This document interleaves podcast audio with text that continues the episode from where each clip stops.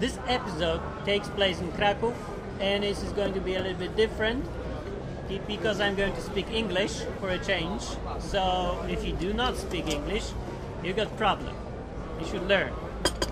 Come back later, or find a friend who can translate it for you, or someone who can do subtitles. Maybe they are subtitles already. We're watching. I don't know. So here's the hero of this interview, sort of. Greg McKelvey. Hello, Poland, Yes. and the rest of the known world. So who are you, Greg? I'm Greg McKelvey. Yeah, but That's what you just said. but who? Oh, well, I am uh, a friend of Martin's. I've known Martin since he was 17 years old. I met Martin at an English language camp, which uh, taught English and emphasized the Bible. And when I met Martin, Martin was an atheist. And Martin uh, came to a knowledge of Christ at this camp. And for many years, Martin worked with me, translated with me. I led Bible studies with Martin. Uh, everything he knows, he probably got from me. So, uh, No English from you.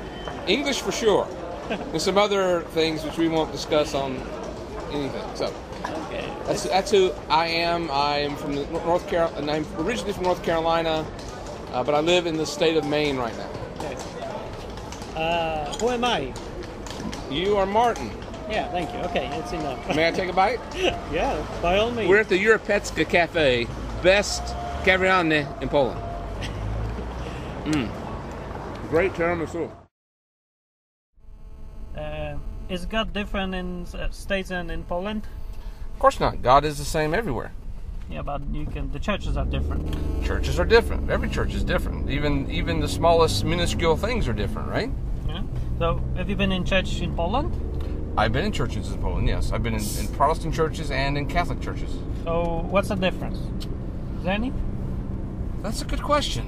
Um, I would say in the Protestant church, it would depend on the church. Uh, some church, some Protestant churches are, may I use the term, uh, uh, moving to a slow death uh, because they do not have. Um, there's, it seems to be void of spirit. There is head knowledge and maybe heart knowledge, but uh, void of, of spirit. And in the Catholic Church, I'd probably say the same thing. I would say uh, I was at a, a service recently where I felt very um, Bored.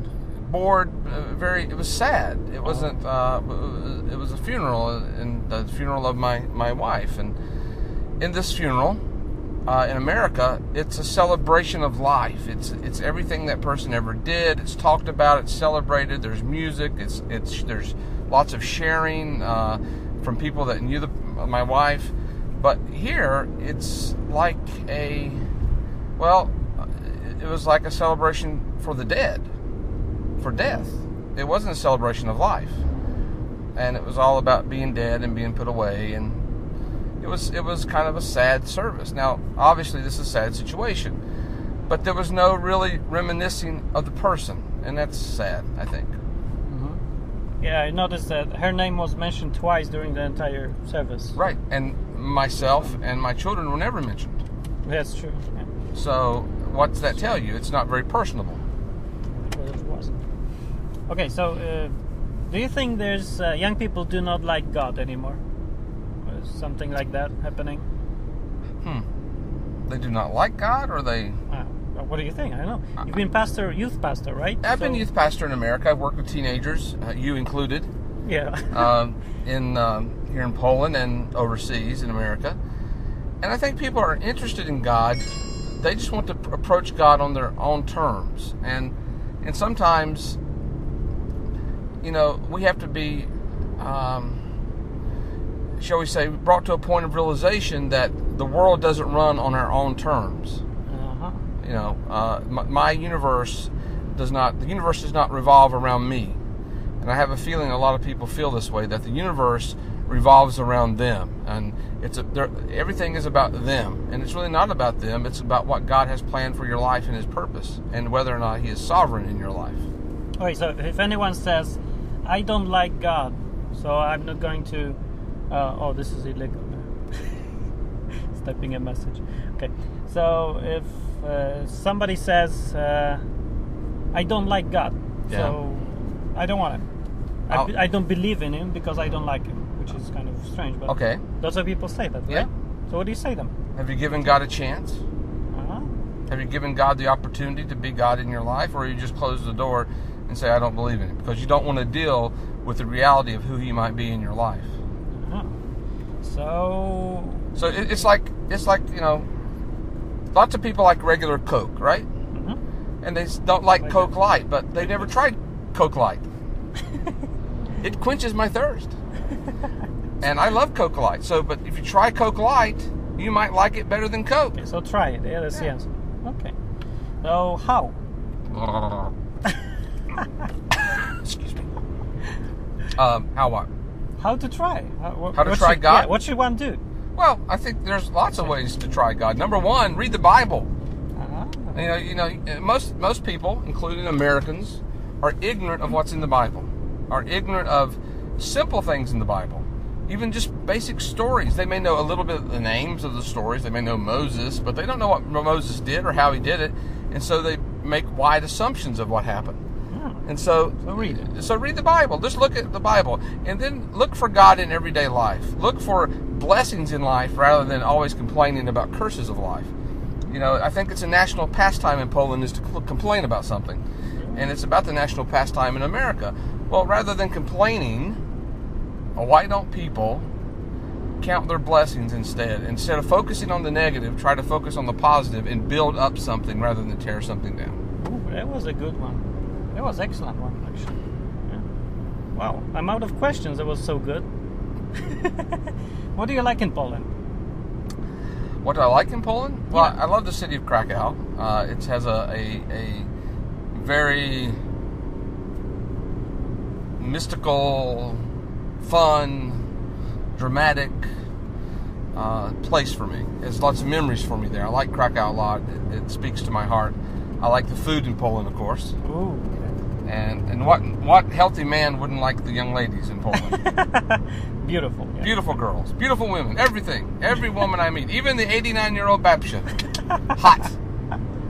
Hot baptist. Hot Babsha. Woohoo! Okay. What, what about people? What do you like in people?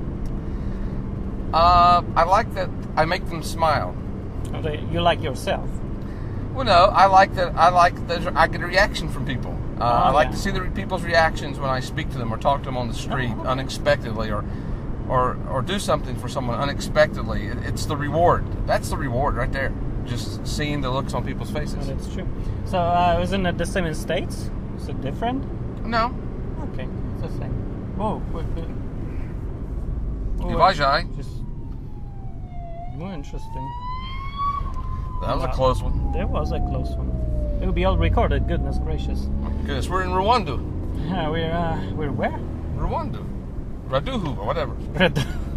okay, well, uh, Ask me what I don't like about Poland. what don't you? Well, there will be many things probably. Or no? Uh, no. Okay, so like three things. Three things. Number one, where are the damn road signs?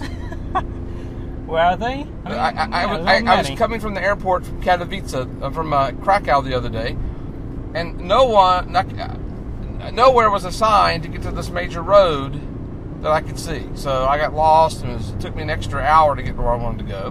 But I finally found the way after speaking to five or six people in my fluent Polish. and so, uh, so that's something I don't like. Um, Oh, I don't like these uh, cameras that watch people's speeds, that takes pictures if you're going too fast, because you know I go too fast. It's for their safety. Yeah, it's for their safety. It's a government way of controlling everything we do, including speed limits. So Okay. Coming back to the Bible. Yes. Uh, okay, so there, there are two advices for you, from you, uh, to read Bible and to what? Look for God. look for God in everyday life. Look for His blessings in everyday life, and then when you find them, take a moment, recognize them, and thank Him for them. Because too often we only approach God uh, when we're in trouble. Uh, There's an old saying that says, "There are no atheists in foxholes." Oh, okay. We hard to translate, but okay. You understand what I mean? Yeah, I do. When you're in difficult times, trust me, you believe in God. And when good times are good, you're like, who? God who? you know, when you're when, when you're when you're having difficult times, you're like, where's God? I want to call God. Is God on the phone? And then when and then when you don't have difficult times, so God calls you and you said, oh, you got the wrong number, buddy. not ready to talk to you now. Okay. So there's another question.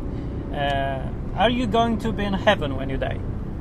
Uh, I would say yes, I am. Are you sure? Absolutely. Okay. Some people would say this is arrogance. Oh, it's very sure. arrogant, isn't it? Yeah. So why So- are you sure? How can it be? Because the Bible says so. The, the, the Bible says if I if I if I put my faith and trust in Jesus Christ and I repent of my sin and uh, accept Him as my Savior, my Lord, my King, then I have eternity in heaven. Okay. What, what, what's, Guaranteed. what- guaranteed. For God so loved the world that He gave His only begotten Son. Whoever should believe in Him should not perish, but have everlasting life. Yeah. Look, look at look look at the thief on the cross, right? Uh, he, uh, he was a sinner, definitely a sinner. Thief on the cross, right? Yeah. He's being crucified with Jesus, and he recognizes who Jesus is on the cross. And Jesus said, "Today you will be with me in paradise." Now I don't care how you how you cut cut the coin, uh, but he he would, there's going to be a Jesus in heaven. That's the bottom line. J- Jesus didn't say, Today you get off the cross, go get baptized, then you'll come to heaven. Today, get off the cross, go to church, have First Communion, then go to heaven. Today, uh, get off the cross, go to confession, and you'll be in heaven. He said, Today you will be with me in paradise. So he had assurance because of his faith in Christ. And so, because of my, my simple faith in Christ, uh, I have been forgiven of my sin, and He has taken uh, place for my my sin. So that's what I believe. You say something about fun? Oh, what's the funniest thing in the church that happened that you can tell about? To me, Yeah. Some Uh, situations, strange. or- well, I remember one time I was young, young. Uh, I was probably a teenager at the time, and I, I've been preaching since I was 16 years old, and uh, it's changed over the years. But oh, How was you? Oh, ah, sorry. a Um. These Polish people need to learn how to drive. Was your mistake, Greg, this time? what? It was a sign, yeah. Okay, okay, it's my mistake. Never mind, though. I, I, I confess it was my mistake. uh, so, um, what's the question? Oh, funniest thing. Yeah. And I was singing. I was in a church with a group of older people and a small church, and we were singing hymns. And I was standing kind of uh, kind of sideways, not facing the congregation, uh, but realized, well, my zipper was down Okay. and I felt a little breeze, you know? And I'm thinking, as we're singing the hymn, oh my goodness, in just a moment, I have to turn around and face the congregation with my fly down, right? oh my goodness. So as the hymn ends, I stand there and everyone's watching, waiting me for, for me to do something. And then I thought of it. I said, could everyone please, with every head bowed and every eye closed, can we go to prayer? And everybody prayed, let, bowed their head and shut their eyes and made sure. And when I, if no one was looking, I zip, zipped my zipper and turned around Whoop, zipper and stories. continued to pray. So, so that's a funny thing. That's It was fun. That was funny. Okay. So, uh, what else? Uh, I don't know. I think it was just little chat. Okay. So, anything else to say maybe to people like watchers?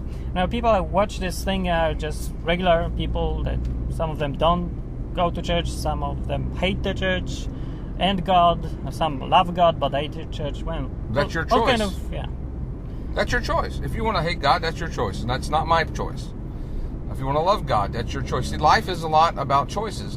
And the choice, choices you make affect everything you do. But they're not my choices, they're yours. So choose wisely.